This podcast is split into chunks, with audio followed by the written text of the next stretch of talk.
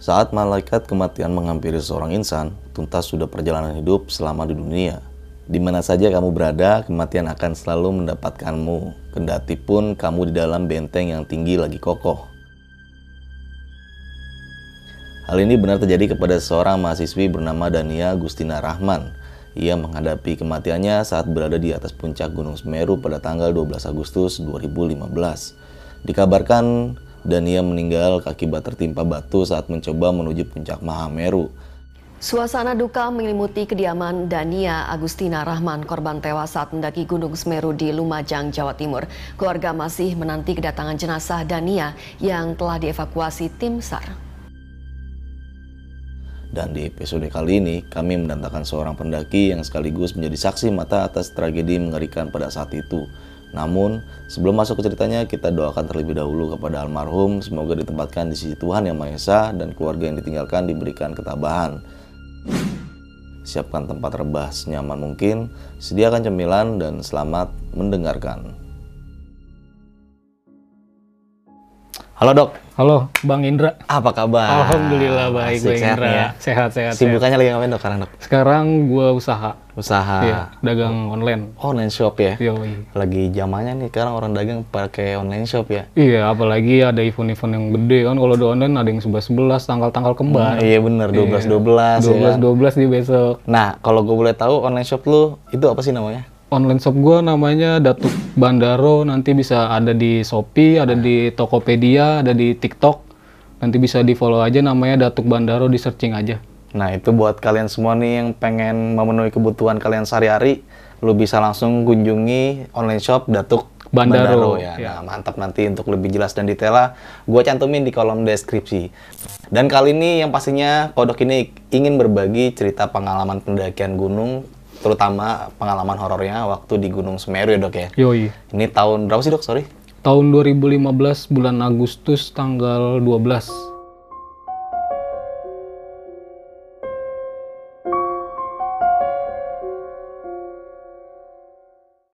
Jadi pas gua ke sana itu ya emang eh, kejadiannya pas ada yang meninggal Hmm. dan gua melihat sosok yang nggak bisa dilihat sama orang, gue juga bisa lihat gitu.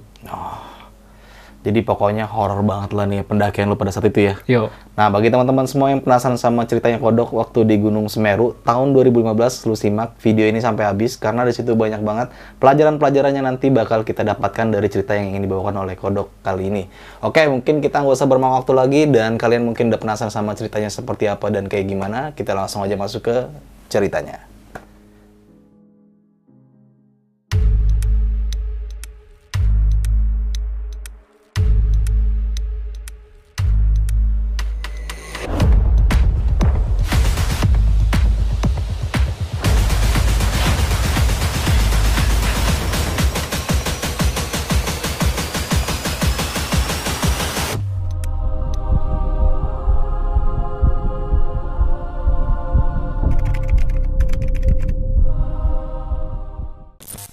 Oke, Bang Indra, eh gue mau cerita nih. Nah, boleh. Silakan, Dok. Jadi, terlalu biar relax ya. Ya, relax.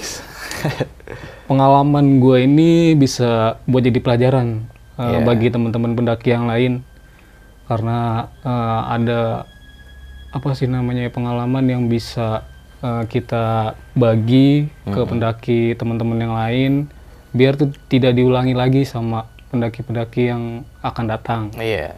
Yang banyak tuh sekarang pendaki-pendaki yang masih remaja. Iya, makin banyak lah kemarin Iya. itu ya. Nah sekarang gue mau cerita ini tentang pengalaman pendakian gue ke Gunung Semeru Hmm. pada tahun 2015. Oke, eh, itu tanggal 12 Agustus tahun 2015. Hmm.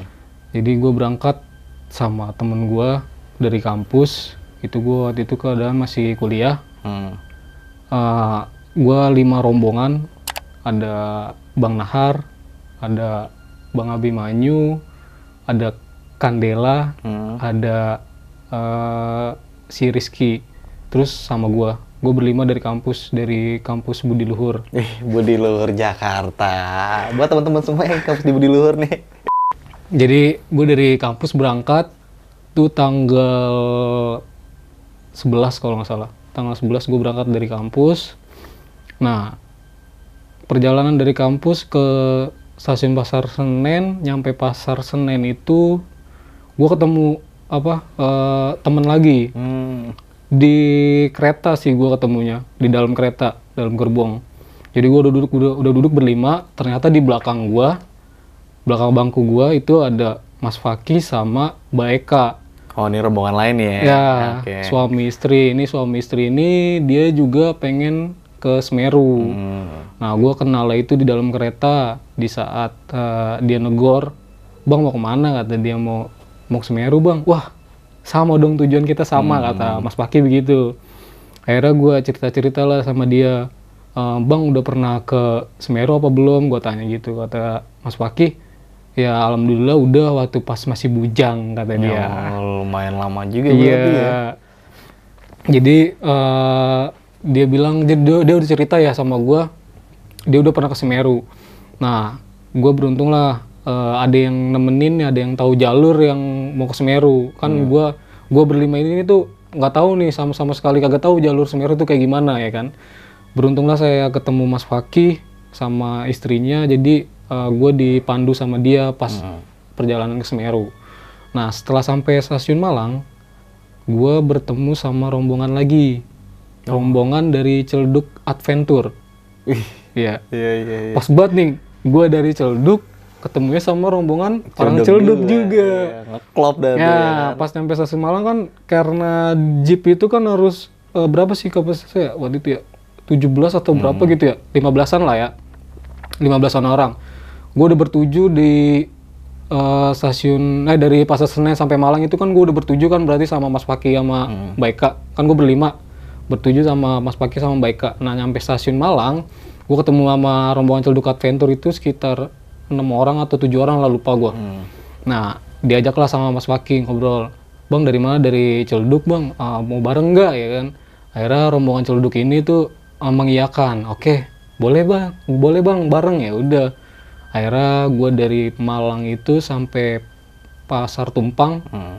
Nah, berlombong eh, rombongan 15 orang lah tuh sama anak Celduk. Nah, diantarlah tuh gue ke rumah yang punya jeep. Hmm. ya kan gue nyewa jeep ya? Nah gue sewa jeep itu. Sewa jeep berlima belas istirahat dulu makan makan siang ya kan nyampe sana siang ya. Habis itu baru nyam eh, berangkat dari pasar tumpang ke Ranupani. Hmm. jam berapa ya? Jam 11an kalau nggak salah gue berangkat. Nyampe Ranupani itu sekitar jam 12 kurang lah kalau nggak salah ya Hmm. Nah, nyampe Ranupani, eh, packing-packing lagi, terus briefing dulu, ya kan. Briefing itu dikasih penjelasan sebenarnya kan sama eh, petugas di sana, ya kan.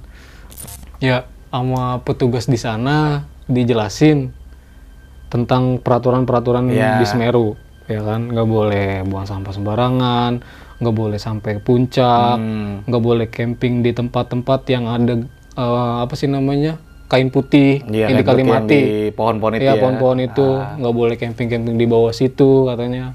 Terus banyak binatang-binatang buas yang kalau malam hari atau apa Hmm. jadi jangan ada yang eh, ngetrek itu pas malam hari. Nah sudah dijelasin tuh peraturan-peraturan sama petugas di Ranupani. Barulah gue selesai-selesai packing lagi berangkat Iya. sekitar jam 2 jam Itu 2 siang masih satu rombongan yang di jeep ya. ah masih satu rombongan jadi gue berangkat bareng tuh berombongan berlima belas tuh Hmm. memutuskan jalan bersama-sama jam 2 eh, foto-foto dulu di plang lah biasa Biasa ya kan? mengabadikan momen Nah, ya. nah setelah itu baru kita jalan setelah jalan sampai pos 1 itu masih aman lah ya masih cuacanya masih panas terus setelah pos 1 itu kan ada yang jualan-jualan apa sih buah-buahan Semangka. semangka ya. terus eh, gorengan kayak gitulah istirahat dulu break jam 1 nah banyak nih ternyata pendaki yang baru naik baik juga ternyata pas saat itu mungkin momennya pengen 17-an tapi kayaknya nggak nggak terlaksana mungkin pas Oh. 17-an karena ada tragedi di pas gua naik itu langsung suruh pada turun oke belum masuk ceritanya Belum. oke ini baru Lanjut, nyampe pos. 1 Iya, santai dulu pasti. ya Oke, pas nyampe pos 1 itu eh, sekitar jam berapa ya? Jam 3 kalau nggak salah. Sejam lah tuh gua naik dari eh, pos pelang itu sampai pos 1 itu sejam. Gua nyampe pos 1 sejam, lalu gua jalan ke pos 2. Itu lumayan lama tuh. Sekitar abis asar gua baru sampai pos 2. Sekitar setengah empatan. Setengah empat gue nyampe pos 2, lalu istirahat lama juga tuh di pos 2 eh, sekitar 30 menitan gue istirahat. Jalan lagi jam 4 Hmm. setelah jam 4 gue jalan lagi dari pos 2 ke pos 3 itu lumayan jauh. Itu nyampe pos 3 itu sekitar jam 5 kalau nggak salah. Jam 5 lewat jam 5 lewat udah pengen maghrib ya Iya. baru nyampe pos 3 oke karena gua kan eh, jalanan juga masih apa Santai. santai kata Mas Paki nggak usah buru-buru alon-alon alon-alon Iya. we ya kan dia orang Jawa juga ya udah pelan-pelan jalan pelan-pelan dari jam 5 tuh gue nyampe pos 3 baru trek lagi sampai Ranukumbolo 1 Hmm. itu jam 9 Sampai malam. bisa bayangin nggak? Gila lama juga dong berarti. Nah, jadi di pos 3 ini gue menemukan hal-hal aneh sebenarnya. Di sepanjang jalur dari pos 3 sampai Ranukumbolo 1 Hmm. seingat gue nyampe jembatan merah itu maghrib. Iya. ya. Pas maghrib tiba kedengaran suara ajan di jembatan merah jadi mas Paki, mas Paki bilang berhenti dulu yuk. Oke. Kenapa mas Paki berhenti dulu? Ya udah berhenti dulu kata mas Paki Hmm. gua dengar nggak suara ajan maghrib? Iya dengar mas Paki kata gua. Kalau maghrib itu nggak boleh jalan kata mas Paki di si di jembatan iya. merah itu nggak boleh jalan pas maghrib. Hmm. nah gua mengiyakan omongannya mas Paki karena mas Paki sudah pengalaman ke Iya. Semeru. Nah ternyata pas di jembatan merah itu memang udah kelihatannya sudah gelap ya udah udah pukul 6 kalau nggak salah. Udah matahari udah kagak ada udah gelap udah mulai malam. Lalu ada pendaki open trip Hmm. yang apa? Yang jalan maghrib maghrib ditegur lah sama Mas Paki abang-abang mbak-mbak jangan jalan dulu lagi maghrib istirahat dulu break baru setelah maghrib kita jalan lagi kata Mas Paki dan rombongan ini tuh nggak mendengarkan omongan Mas Paki malah terus jalan. Cuma iya mas lanjut mas karena ngejar target waktu ngejar waktu kata rombongan ini.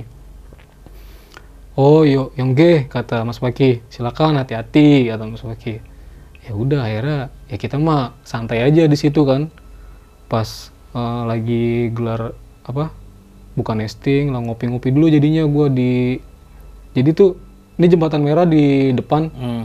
gue sebelum jembatan merah jadi berhenti di situ Oh iya iya iya. jadi gue yang ngeliat nih rombongan itu tuh lewatin jembatan merah dengan apa eh, apa sih namanya suara-suara berisiknya dia lagu-lagunya udah gitu juga teriak-teriakan sama nyaut nyautan sama temen-temennya rombongan open trip ini kan rame ya. Hmm. jadi sautan di jembatan merah itu. Terus Mas Paki cuma bisa bilang tuh pendaki sekarang tuh aneh-aneh ya kata dia gitu. Semoga aja nggak terjadi apa-apa Mas Paki bilang gitu. Hmm. nah akhirnya di situ eh, di- diceritakan lah sama Mas Paki jadi dulu saya Mas ke sini tuh di jembatan merah yang memang eh, banyak hal-hal yang nggak boleh dilakuin sama pendaki kata Mas Paki Hmm. seperti jalan di setelah eh, lagi sedang azan azan apa pun kata Mas Paki azan juhur asar maghrib isya. Jadi itu nggak boleh tuh kita sembarangan jalan di jembatan merah itu. Udah gitu juga Mas Paki punya pengalaman di jembatan merah itu ya ada satu hal yang dia lihat lah sosok yang nggak bisa kita sembarangan orang lihat ya Nah, di situ gue mulai apa terhipnotis juga Hmm. pas di sebelum jembatan merah itu pas lagi istirahat. Wah, ngeliat apa ya Mas Paki ya dalam hati gue gitu. Nah, akhirnya bener lah. Gue pas eh, ngeliat jadi pandangan gue tuh ke jembatan merah Hmm. ngeliat rombongan open trip ini tuh pada jalan pas gue ngeliat pandangan fokus ke depan pandangan gue tuh fokus ke rombongan itu tuh ke jembatan merah itu. Gue ngeliat banget itu jembatannya emang warna, warna merah. Nah di situ gue ngeliat sosok ada yang ngikutin rombongan open trip ini. Maksudnya sosok pendaki. kalau gue nggak salah lihat ya pendaki. Jadi pendakinya ini tuh aduh serem sih kalau dilihat ya rambutnya panjang Hmm. tapi dia bawa keril nah sedangkan yang gua gua lihat itu kagak ada pas dia lewat kan pak Prasan kan Iya. lewat gua pas ngebreak kan dia lewat kan tuh Hmm. gue nggak ngeliat tuh ada orang yang rambutnya gondrong gitu rambutnya panjang tuh pas banget di belakang rombongan itu gue ngeliat pas di jembatan merah ngikutin pakai keril nah pas di situ gue fokus aja bengong jadinya. Ditepak lah gue ngomong pakai ngapain? Enggak mas. Ngeliat apa kamu? Kata mas Paki. Ini ngopi dulu ngopi. Ya udah gue seruputin ngopi. Ngeliat apa kamu? Enggak mas. Tadi saya ngeliat eh, ada yang aneh aja. Jangan cerita di sini ya nanti aja pas turun kata mas Paki. Ya wes mas. Udah dilupain aja. Ya udah. Akhirnya tetep eh, pas gua ngeliat itu ya udah eh, pas udah telepak kabur lah tuh eh, pandangan gua. Nah udah nggak kelihatan lagi dah tuh Eh, yang rombongan open trip itu lewat jembatan merah itu udah nggak kelihatan lagi. Nah setelah itu baru ajan maghrib selesai gue jalan gue jalan lagi. Terus kata mas Waki kita baca doa dulu. Oke sebelum jalan gue baca doa dulu biar diberi keselamatan. Nah pas perjalanan lewatin jembatan merah itu gue bulu kudu gue wah merinding coy emang bener ternyata. Terus pas udah nyampe jembatan merah gue kagak eh, pakai mikir panjang lagi udah buru-buru kata Mas Paki. "Eh, ucapin salam kata Mas Paki. Oke ya udah gue ucapin salam dalam hati. Assalamualaikum warahmatullahi wabarakatuh. Eh, kata Mas Paki gue denger tuh wing selamat selamat. Semoga eh, diberi keselamatan kata Mas Paki pakai bahasa Jawa lah. Iya. Gusti Allah kata dia "eh, tolong beri beri perling, perlindungan kepada teman-teman kami dan kami kata dia. Ya udah akhirnya lewat lah tuh. Aman alhamdulillah. Sampai di sebelum Ranu Kumbolo Ranu Kumbolo satu ya Hmm. gue sempet break lagi itu jam berapa ya? jam 8 jam 8 malam. Kan gue sampai Rakum itu Rakum 1 jam 9 gue break dulu tuh di situ. Udah kelihatan tuh Ranu Kumbolo. Mas Maki pengen ngambil Milky Way. Ya jadi berhenti dulu ngambil Milky Way keluarin kamera. Dapet lah Milky Way kan tuh. Ah, nah dari situ gue ngeliat Mas Faki Mas Faki ayo turun udah mulai dingin kata gue gitu kan. Ayo ayo. Wah nyampe lah gue berangkat lagi jalan nyampe lah di Ranu Kumbolo 1 itu jam 9 pas. Hmm. diriin tenda masak-masak setelah itu eh, temen gue ngambil air lagi tuh di Ranu Kumbolo 1 istirahat besok paginya gue berangkat lagi ke Kalimati langsung dari Rakum 1 jadi gue nggak nyampe Rakum 2 Jadi langsung bablas langsung bablas ke Kalimati. Iya. jam 9 gue berangkat jam 9 pagi gue berangkat dari Rakum 1 dari Rakum 1 gue berangkat ke eh, Kalimati. Nah perjalanan dari Rakum 1 ke apa sih Jambangan ya? Hmm. setelah Rakum itu Jambangan ya kalau nggak salah ya? Lupa Cemoro kandang. eh Cemoro Kandang dulu ya? Iya iya Cemoro Kandang. Dari Rakum 1 ke Cemoro Kandang itu sekitar 2 jam. Hmm. jam 11 lah nyampe Cemoro Kandang. Lewatin tanjakan cinta lewatin Oro-Rombo nyampe lah di rak apa? Cemoro kandang. Cemoro Kandang nyampe. Nah sudah sampai Cemoro Kandang masih aman lalu gue ketemu sama rombongan obat trip itu lagi lagi istirahat. Terus kagak ada eh, sapa-sapa lah maksudnya sama rombongan open trip itu. Akhirnya gue istirahat sekitar 15 menit jalan lagi ke Jambangan. Hmm. setelah jalan lagi ke Jambangan itu sekitar jam 30 menit kalau nggak salah.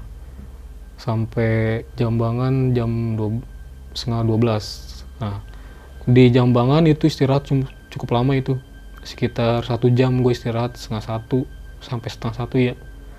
Gue istirahat lama karena yang rombongan celduk ini juga eh, rajin ibadahnya ada satu orang. Oh iya. jadi sholat dulu lama lah. Ah, nah kalau perjalanan itu juga kan kita jangan lupa sama yang di atas lah ya. Iya benar. harus diselipin diselipin juga sama ibadah-ibadahnya jangan ditinggal.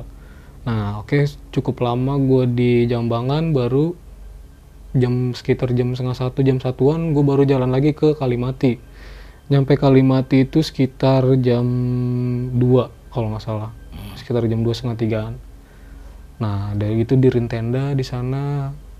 Kita bikin tendanya tuh berbarengan karena gue kan rombongan ber-15 itu walaupun baru kenal di Malang gue tetap jadi satu gitu tenda. Jadi masak rame-rame bagi-bagi makanan seru lah. Nah setelah itu gue mengalami apa eh, sakit ya apa meriang agak-agak gak enak badan. Pas udah nyampe Kalimati. Nah gue minta kerokin lah nih sama temen gue di Kalimati. Namanya Dimas Abimanyu. Nyu tolongin dong Nyu gue kayaknya gak enak badan nih. Iya. ya pas sore-sore hari itu gue dikerokin. Mun diapain mau dikerokin? Iya kerokin. Gue kerokin. Gue dikerokin tuh. Dikerokin dulu. Kan gue juga baru tahu kalau nggak boleh dikerokin kalau lagi di gunung ya. Takutnya pori-pori masuk angin masuk malah. Nah ya udah akhirnya teteplah tuh dikerokin biar enakan badan. Akhirnya gue pakai baju yang lebih tebal lagi lebih banyak. Nah istirahatlah setelah eh, makan si makan sore istirahat jam habis maghrib istirahat pada tidur. Jadi kita briefingnya itu sebelum istirahat ya kita briefing deh. Mas Paki bilang nanti kita bangun jam setengah satu. Jam setengah satu malam kita bangun kita mulai trek jam satu kata Mas Paki oke ya udah istirahat. Ya udah gue istirahat. Nah jam 12 malam udah pada bangun. Hmm. udah pada dibangun udah apa- ada yang bisa nggak bisa tidur ada yang bisa tidur. Bangunlah. Mulai persiapan buat summit. Jadi udah bangun semua jam 12 jam 1 bawa bawa, bawa makanan dah siap-siap nyeduh nyeduh kopi dulu ya kan kehangatan buat di summit perjalanan ya udah. Jam 1 baru mulai jalan lagi ke puncak Puncaknya ya. ke puncak. Nah pas perjalanan oke eh, si Ken ini nggak kuat sama cowoknya nggak. Akhirnya turunlah si Ken nih duluan. Pas baru berapa langkah kalau nggak salah baru ya sampai hitungan 10 pohon aja 10 pohon kita lewatin dia turun. Ternyata udah turun aja nggak ada. Loh si Ken ke mana? Kata Mas Paki. Hmm. kata temen gue si Manyu yang di yang di belakang posisinya udah turun tadi mas kata Manyu ya kan. Oh turun gak kuat loh dia nggak kuat. Ya udah ya tetep lah gue jalan. Ya udah jalan lagi kita jalan lagi lah. Setelah gue perjalanan di Arcopodo itu ya itu memang berat banget ya perjalanannya. Nah gue ketemu sama rombongan open trip ini tapi beda kayak beda jalur gitu ya gue juga bingung. Jadi Hmm. eh, ada cabang ke kanan ke kiri gitu. Nah gue tuh lewat sebelah kiri. Nah ada yang lewat sebelah kanan jadi kayak ada jurang di tengah-tengah gitu kan. Jadi main saut-sautan lah. Mas salah jalan mas yang di sebelah kanan bilang Iya. sama gue pada loh bener mas ini kata mas Maki. Ya udah akhirnya ma- masa bodoh lah yang di sana lah. Akhirnya tetap jalan lah gue nyampe eh, apa? Kalau yang habis Harcopodo apa namanya? Yang apa nih? yang batas vegetasi. Iya yang pohon satu itu. iya pos pos satu itu. Nah di situ gue nggak kuat tuh. Hmm. udah mulai merasa kagak enak badan karena mungkin efek kerokan yang sore hari kali ya. Iya, bisa jadi. jadinya gue memutuskan udah nggak lanjut lah. Gue ngomong sama Mas Paki Mas Paki saya nggak kuat saya nggak enak badan. Hmm.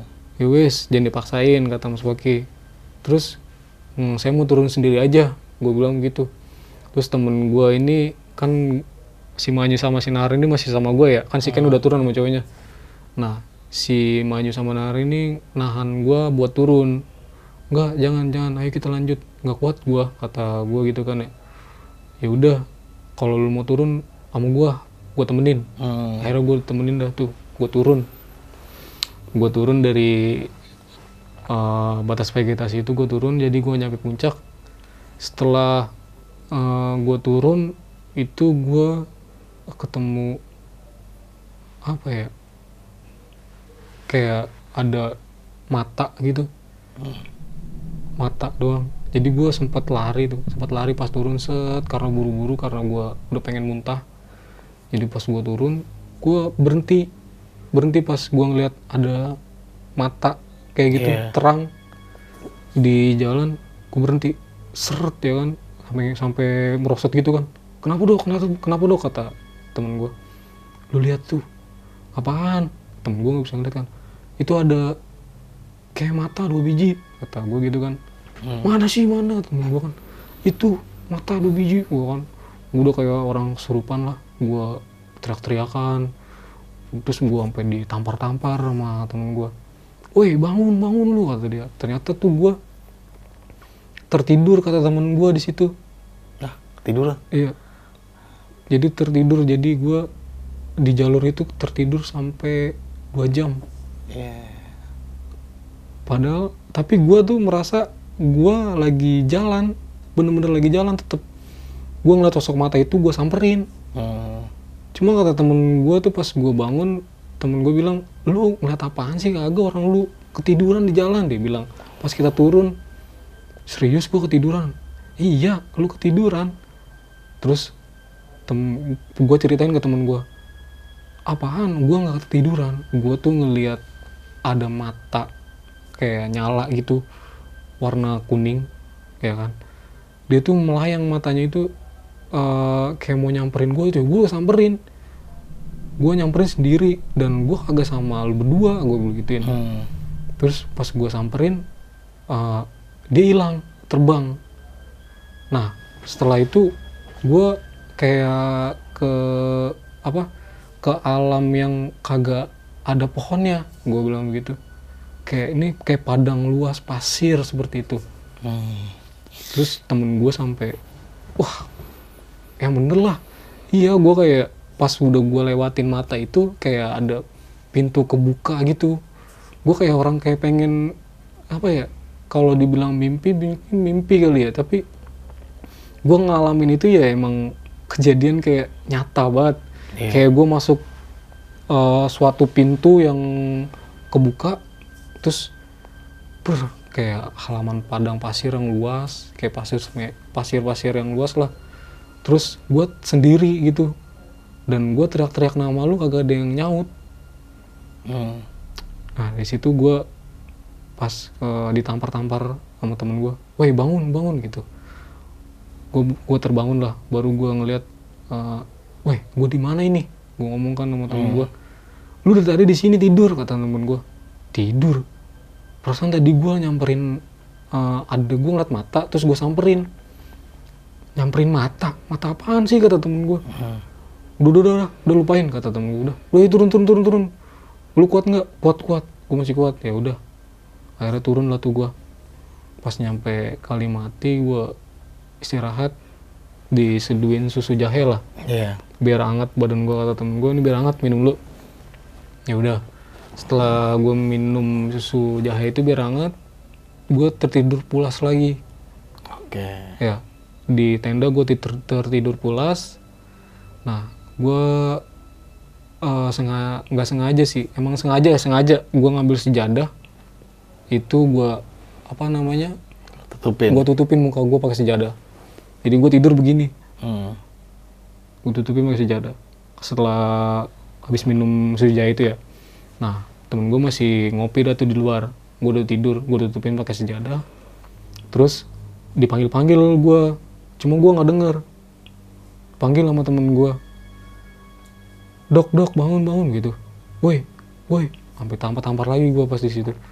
Woi woi woi mati nih orang kata temen gue kata si Nahar kata nyu nyu.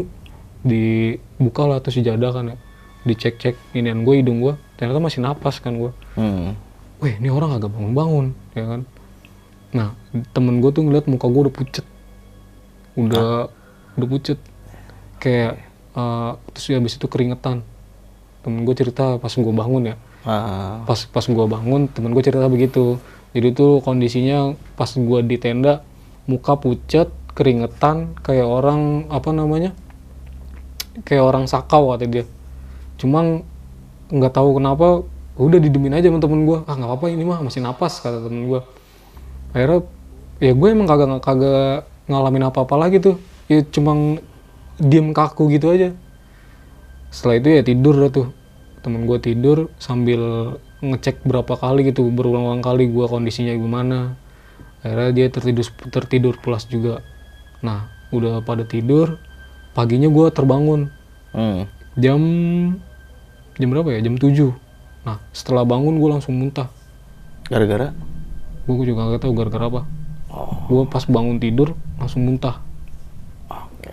nah pas gue muntah gue nyeduh susu jahe lagi. Mungkin badan gue lagi nggak enak kali ya. Gue mikirnya gitu aja. Gue bangun tidur muntah itu mungkin badan gue nggak enak. Hmm. ya udah. Akhirnya gue bikin susu jahe lagi.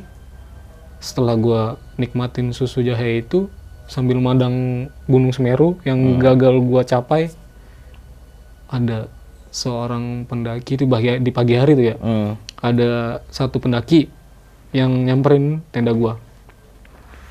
Misi bang, kata pendaki itu. Kenapa bang? Iya, ngopi kata gua. Gua tawarin. Enggak bang. Nah pendaki ini nanya, turun jam berapa bang? Kata pendaki ini. Eh paling johor mas, kata gua gitu kan ya. Karena temen gua masih ada yang summit, lagi summit. Kenapa ya bang ya? teman gue meninggal bang. Innalillahi. Gue kaget di situ. Yang bener mas kata gue iya bener. Temen gue meninggal. Eh, bisa bantu evakuasi nggak? Aduh mas. Baiklah. Gue bangunin temen gue dulu ya mas ya gue gituin ya udah gue bantu nyari bantuan yang lain juga dah mas. Iya mas. Nanti saya coba koordinasi dulu sama teman-teman ini masih masih pada tidur. Sebelum lanjut ke cerita, untuk kalian yang ingin menjadi narasumber di besok pagi dan mempunyai cerita horor dalam pendakian, kalian bisa kirim cerita kalian ke Instagram official besokpagi.idv atau melalui email besokpagi.ch@gmail.com. akhirnya gue bangunin lah temen gue ya kan? Woi bangun bangun bangun bangun ada yang meninggal. Langsung pada denger langsung pada bangun. Yang bener lah. Iya tadi ada orang yang ke sini pendaki. Katanya ada yang meninggal temennya. Buset. Nah di situ suasananya sangat cemas sekali. Gue ngeliat tenda-tenda yang lain juga yang masih ada pendaki yang kagak ikut eh, summit itu juga muka-mukanya pada tegang. Jadi disamperin itu sama temen yang ini nih. Semua tenda yang ada di Kalimantan itu samperin Minta bantuan. minta bantuan buat evakuasi temennya yang meninggal. Nah dan gue nggak bisa berbuat apa-apa di situ ya karena pengalaman evakuasi gue juga nggak ada. Jadinya gue memutuskan sama temen gue ini ya berdiam diri di Kalimati. Menunggu temen gue yang rombongan gue yang dari Malang ini kan eh rombongan gue yang ketemu di Malang sama di stasiun Pasar Senen ini Mas Paki sama rombongannya Cilduk kan masih samit jadi gue nunggu dia turun dulu. Pas gue sambil nunggu kabar turunlah tuh mereka teman-teman gue nah itu muka teman-teman gue udah pada apa namanya? Berdebu. berdebu semua. Pas itu uh, dia nggak nggak langsung cerita sih kata Mas Paki. Wes kamu selamat kata Mas Paki kenapa Mas? Mas katanya ada yang meninggal Mas gue bilang. Wes jangan cerita dulu kata Mas Paki bentar saya baru sampai Eh, kita nyeduh kopi dulu kata Mas Paki ya udah. Ya wes diseduhin lah teman-teman gua minum minuman hangat ya kan. Nah pas sudah terseduh barulah kita cerita. Mas Paki langsung cerita. Jadi gini kamu beruntung kata Mas Paki kamu nggak eh, apa namanya nggak lanjut ke puncak kata Mas Paki karena yang apa kebetulan sekali yang meninggal ini nih berada posisinya di belakang kita kata Mas Paki Oh. Pas summit ini ya. ah Oke. jadi pas summit itu pas banget di rombongan gua Mas Nah, ah, yang seharusnya ini tuh gua gua orang berlima ah. Hmm. kalau gua kan gue paling belakang pas emang summit gue paling belakang jadi pas banget itu ba, eh, jadi meninggal itu batu pecahan kata Mas Paki jadi Mas Paki cerita jadi tuh dek itu batu pada melayang dek kata Mas Paki jadi ada yang jatuh ke kanan ke kiri ke tengah begitu. Nah pas banget di belakang kita ini rombongannya pendaki yang meninggal. Ya. Nah, Mas Paki ngeliat jelas banget ini cewek katanya seorang cewek yang meninggal. Ini tertimpa batu di belakang leher. Oh, belakang sininya nih. Iya, belakang leher. Jadi kayak tuk gitu langsung. Jadi Mas Paki cerita tuh nih, ini cewek ngeliat apa? Dia kira ini batu jatuhnya ke kanan. Hmm. Ini cewek. Tapi dia loncat ke kiri. Kan udah teriak batu, batu, batu. Nah, pas banget emang batu tuh melayang di atas kepalanya Mas Paki tuh. Wing, wing, wing gitu. Nah, itu deket banget batu ternyata nimpan rombongan yang di belakang, rombongan Mas Paki. Kenal lah tuh yang meninggal itu. Ya, kita eh, sejenak buat ngirimin Fatihah ya nanti Iya. di akhir buat korban yang meninggal saat itu. Jadi eh, banyak korban di sana ada seorang perempuan yang meninggal, lalu seorang laki-laki yang satu rombongan kakinya patah, lalu seorang perempuan juga yang jatuh ke Blank 75. Jadi jadi seperti itu. Nah, setelah cerita Mas Paki bilang eh, jadi tuh rombongan kita pas tepat ada di belak eh, di atas rombongan yang korban meninggal Hmm. rombongan yang Andre ini loh Iya, yang iya. nyelamatin katanya yang nyelamatin yang kakinya patah jadi yang rombongan yang meninggal ini tuh udah ditutupin sama bendera merah putih yang Andre bawa yang rombongan celduk rombongan gue juga Hmm.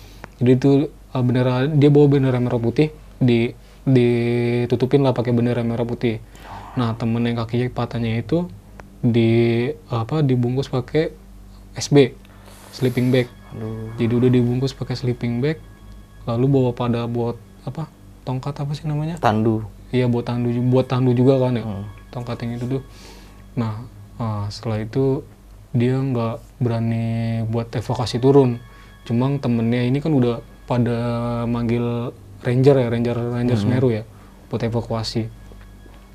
Akhirnya jadi Mas Fakih diam diri di situ buat ngedoain yang korban meninggal ini. Jadi yang pada naik itu sebelum summit eh pas pas pengen summit yang baru nyampe Arcopodo yang ini baru pas ngelihat ada yang meninggal langsung didoain gitu jadi nggak lanjut pada puncak tapi ada yang udah sampai puncak ternyata Oh, oke. Karena- Hmm, Mas Fakih ini banyak versi sebenarnya ceritanya. Jadi pas gue nyampe Randu Kumbolo sebentar itu ntar belakangan ya. Jadi Mas Fakih itu cerita di Kalimati ya dia tuh nemenin yang meninggal ini dulu ya. Hmm. Dia men- nemenin meninggal yang, yang meninggal ini akhirnya dia kan sama istrinya ya Mas Fakih ya. Baika. Baika ini penasaran sekali katanya mau ke puncak. Nah, setelah setelah melihat kejadian ini jadinya nggak nggak penasaran lagi. Akhirnya memutuskan untuk tidak sampai puncak. Ya. Nah, berhentilah. Setelah itu Mas Fakih turun. Pas turun baru eh, ketemu rombongan-rombongan yang lain. Pas turun nyampe Kalimati, ketemulah gua tuh kan baru ceritain. Nah, versi yang lain lagi itu setelah gua turun dari Kalimati. Hmm. Jadi tuh ranger udah pada naik nih. Udah pada naik semuanya. Pas udah nyampe Kalima, eh, pas di Kalimati tuh ranger udah pada naik ke Kalimati bawa toa. Dibilang semua pendaki harus mengkosongkan Kalimati jam 2 siang kata ranger. Oh. karena mau dievakuasi ya. Oke. Akhirnya gua siap-siap packing. Jam 2 siang harus steril kosong. Hmm. ya kan? Nah kompak nih semua pendaki nih yang waktu itu ke Semeru. Turunlah jam 2 siang turun ke Ranukumbolo nah kan pertama ini ranger yang di Kalimantan ini ngomong eh, harap pindah ke Ranukumbolo ya kan Hmm.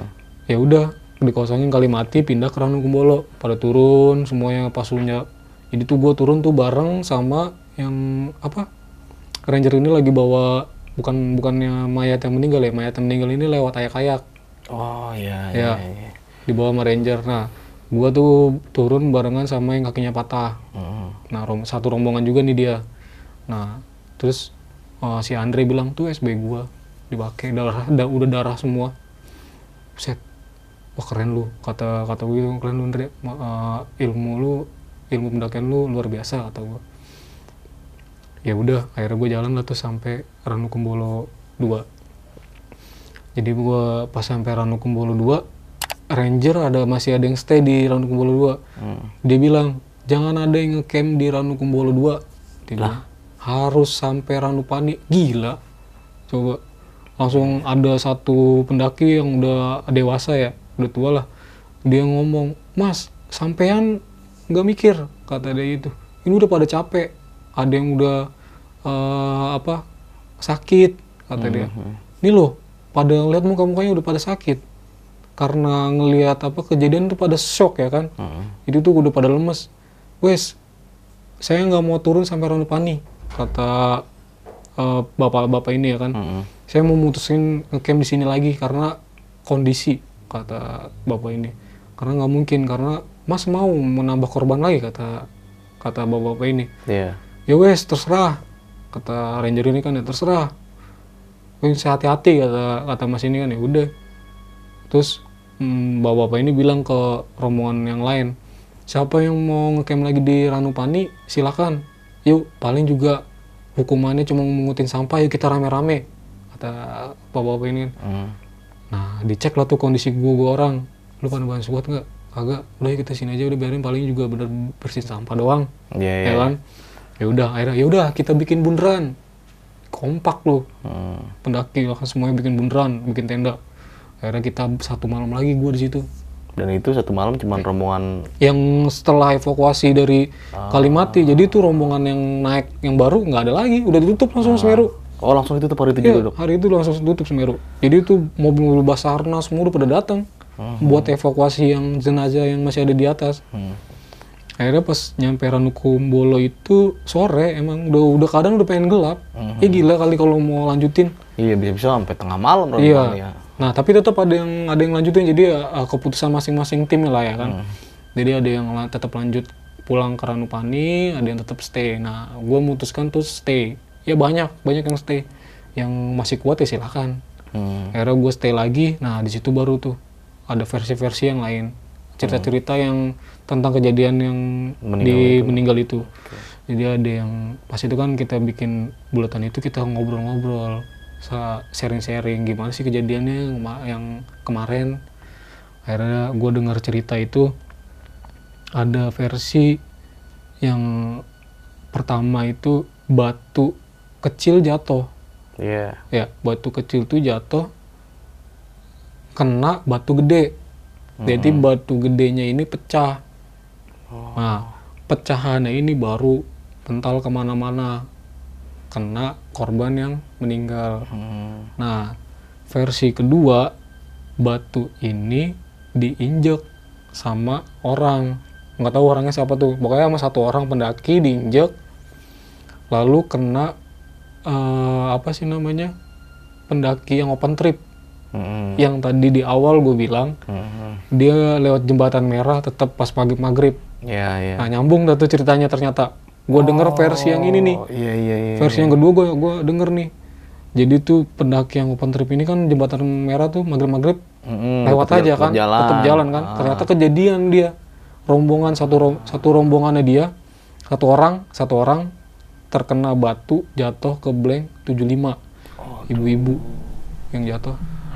Ibu-ibu namanya namanya gue juga nggak tahu tuh. Pokoknya ibu-ibu ini jatuh ke blank 75 dia karena menghindari batu atau terkena batu gue juga kurang paham ya ceritanya. Jadi itu dia jatuh ke blank 75 setelah itu baru batunya ini tuh benar menyentuh batu yang besar. Batu yang besar ini pecah. Cah baru kena si baru kena korban. si korban. jadi ada yang jatuh di blank 75 Hmm. ada yang meninggal tertimpa batu ada yang Kakinya patah. kakinya patah. Ke tulang. Jadi seperti itu.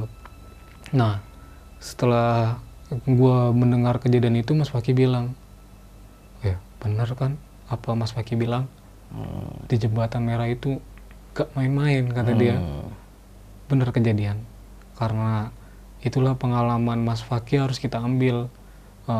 Gue beruntung ketemu Mas Fakih itu di pasar Senen ya, stasiun pasar Senen. Hmm. mungkin kodrat Allah mungkin yang menolong rombongan gua gua orang yang tadinya hampir "Ke- untung bukan gua kata Mas Iya, Paki yang kena batu karena gua udah kayak ada panggilan turun wes turun jangan lanjut kayak gitu loh jadi kayak ya wes ini kamu bisa apa namanya kayak lu masih dis- dikasih kesempatan buat hidup Iya iya iya. kata Mas Paki kayak gitu ya udah jadi emang nyambung ya ceritanya dari jembatan merah itu ya rombongan yang itu yang terkena Hmm. jadi korban ya kan nah setelah di Ranu Kumbolo itu gue bermalam nggak ada kejadian apa apa ya jadi kayak suasananya udah yang tadinya shock istirahat capek lelah pagi-paginya itu pada udah pada seneng lagi. Muka udah pada fresh ya kita sebagai orang berkunjung sana ya foto-foto atau Iya, gimana ya lah ya.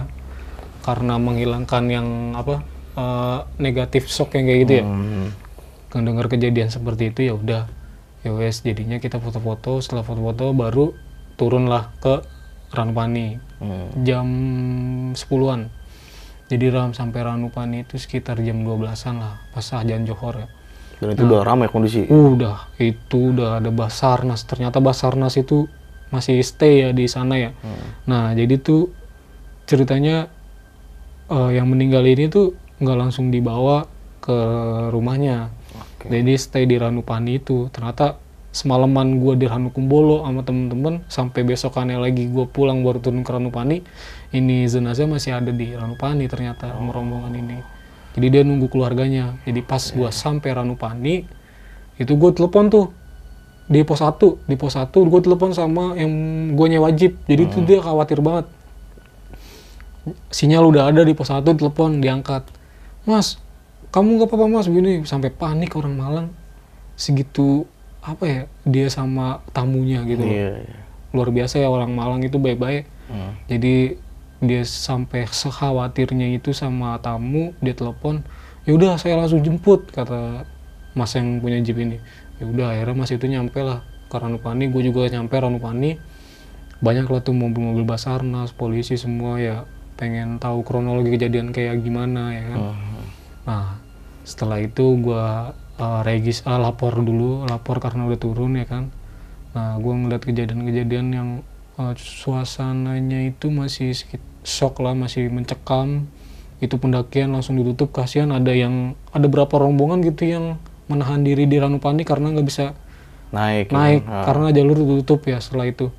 Nah, eh, setelah itu ada kejadian yang rombongan open trip ini tuh memang bener seorang ibu-ibu ini kak- udah selamat dia diselamatin sama ranger Hmm, oh, yang jatuh ke blank. blank 75 Oke. jadi tuh gua ngeliat eh, ibu ibu-ibu itu terus eh, dia kakinya udah udah berumuran darah nih kakinya udah kayak nggak patah sih cuma kayak kesleo gitu aja lah. Dia selamat. Nah ada sempat ada cekcok-cekcok masalah inilah apa masalah harga atau gimana masalah penyelamatan. Penyelamatan itu ternyata ada harganya juga. Waduh. gue juga heran di situ. Ya itu nggak usah dibahas lah Iya ya. Iya. iya. Oke, setelah itu barulah rombongan Dania, ah rombongan keluarganya, rombongan keluarganya baru sampai. Pas gua apa namanya lapor regis itu rombongannya keluarganya baru sampai sama mobil jenazah. Nah, gua sempet eh, apa namanya sempat mendoakan juga tuh sama rombongan bareng-bareng kita doain dulu. Setelah itu barulah gua turun ke eh, tempat penginapan di yang punya jeep. Iya. Jadi gua nginep dulu di di rumah jeep itu yang punya jeep. Tuh masih satu rombongan tuh. Masih satu rombongan. Oke. Jadi gua kata Mas ini, Mas istirahat dulu semalam di sini. Gak apa-apa loh Mas, gratis kata Mas. Ya udah. Hmm. Akhirnya gua mutusin nginep dulu di situ semalam. Pas gua udah nginep semalam itu, wah baru udah tuh. Pas gua udah nyampe rumah jeep ya, baru tuh rombongannya yang meninggal ini tuh Hmm. apa namanya lewat mobil-mobil ambulan sama basarnas wing wing wing wing wing wing wah wah sampai kayak gimana nih ini orang tua gue nyariin apa enggak Iya. ya kan ternyata ya kita sama- masing-masing nelpon keluarga lah ya takut khawatir karena masuk berita juga ada Iya. korban Karena tempat heboh juga waktu ya itu. ada korban meninggal di Semeru ya kan ya udah Ya, pemirsa seorang mahasiswi Fakultas Teknik Industri Universitas Pasundan Bandung, Jawa Barat tewas saat mendaki Gunung Semeru di Malang, Jawa Timur. Pihak kampus menjelaskan bahwa kegiatan pendakian Gunung Semeru bukan kegiatan resmi kampus. Thank you banget nih lu udah mau berbagi cerita lu ya waktu di Gunung Semeru tahun 2015. Tapi sebelum kita eh, mengakhiri cerita ini kita doakan terlebih dahulu ya untuk Iya betul. almarhum semoga almarhum diterima di sisi Tuhan yang Amin, terbaik amin, ya kan? dan keluarga yang ditinggalkan diberikan kesabaran juga Amin, amin. dan semoga tidak ada lagi korban-korban berikutnya dalam dunia pendakian gunung itu Betul, nih ya. betul, betul. dan kayak yang tadi lu sempat jelaskan kalau ada beberapa pantangan-pantangan lawas, nih ya Lawas, kan iya. yang biasa kan pendaki-pendaki zaman dulu tuh Ya karena pendaki-pendaki senior itu kan banyak Banyak. ilmunya Ah. yang harus kita ambil. Mm-mm. Nah, yang sekarang tuh kayaknya tuh buat pendaki-pendaki sekarang kayak udah diabaikan gitu aja. Iya, ya kan? betul. Tapi sebenarnya hal sekecil itu pun berarti banget buat kita. Berarti ya banget. kan? Dan itu penting banget sih buat kita pelajarin dan kita jalankan ya dalam dunia pendakian gunung menurut Betul betul. Oke nih dok, ini Gunung Semeru bulan Agustus nih ya. Iya, betul. Yang di mana pendakian di Agustus itu kan lagi gila-gilanya nih. Karena pengen mengibarkan bendera merah putih pas Dia- 17-an iya, gitu kan. itu pasti semua Motivasi pendaki itu kan seperti itu, banyak kan. Mm, mm, mm. Dan gua kalau naik gunung 17 Agustus tuh wah Iya. udah kayak pasar Iya jadi. kayak pasar. Tapi makanya kan gue kagak di 17-nya gue ngambil sebelumnya. Oh, jadi lu gak ketemu 17-an ya? Gue 17 udah pulang, udah sampai rumah. Oh. Jadi kodok waktu naik Gunung Semeru nih gue sempet khawatir juga sama dia nih. Wah, kodok kan lagi di Semeru nih kejadian Iya. karena kejadian waktu kejadian itu ini sangat heboh banget dok ya Iya, di media-media di tuh. media, di Wah, berita udah itu. pada rame. Sampai viral banget kejadian itu tahun 2015 tuh. Itu seorang perempuan yang tertimpa batu di puncak Gunung Semeru. Betul. Dan pendakian lu ini juga mengalami kejadian-kejadian horor nih dok. Iya, Yang di mana jembatan merah nih. jembatan merah. Wah jembatan merah kalau kita ulas lebih dalam lagi de- dengan sisi horornya ya. Iya. Itu banyak banget tuh versi-versinya tuh. Versi-versinya banyak lah ya.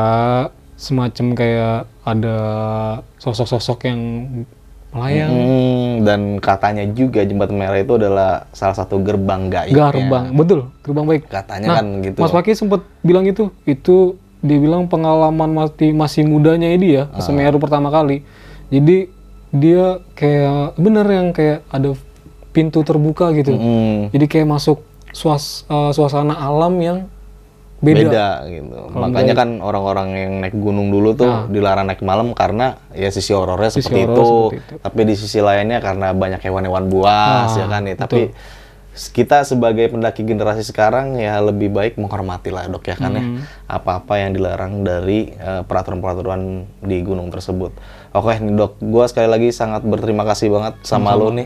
Sama-sama. Dan jangan lupa nih bagi teman-teman semua nih yang pengen memenuhi kebutuhan kalian sehari-hari, Ya, nggak mau repot, Iya, nggak mau betul. jalan kaki ya kan, Iya, naik iya. motor panas-panasan, kehujanan, lu tinggal buka handphone kalian, cek di online shop, langsung aja order kebutuhan kalian di apa dok? Apa, dok? Datuk Bandaro ada di Shopee, ada di Tokopedia, ada di, di TikTok itu ada sabun, sampo, parfum apalah. Apa aja ada, ada, beras pokoknya. juga. Nah, pokoknya palu gak ada deh Iya, ya, apa yang lu ada. butuh ada gitu Iya, kan. iya. Nah lu jangan lupa tuh kunjungin eh, bisnisnya Kodok ini di online shop, oke? Gue juga lagi nyari jodoh ini. Instagram boleh gak sih? Nah bagi teman-teman semua nih yang penasaran sama Instagramnya Kodok nih, Iya, lu iya. langsung aja kunjungin Instagramnya Kodok di apa dok? Hmm, Kodri Ramadhani, siapa tahu kita berjodoh. Nah tuh, lu langsung kepo-kepoin nih atau Iya. lu penasaran sama cerita di Gunung Semeru, pengen tanya-tanya lebih detail lah kayak gimana dan seperti apa, lu langsung aja DM Kodok nih di Instagramnya tadi ya. Oke nih mungkin dari gua cukup sekian, kurang lebih mohon maaf. Gua Indra pamit undur diri. Wassalamualaikum warahmatullahi wabarakatuh. Waalaikumsalam.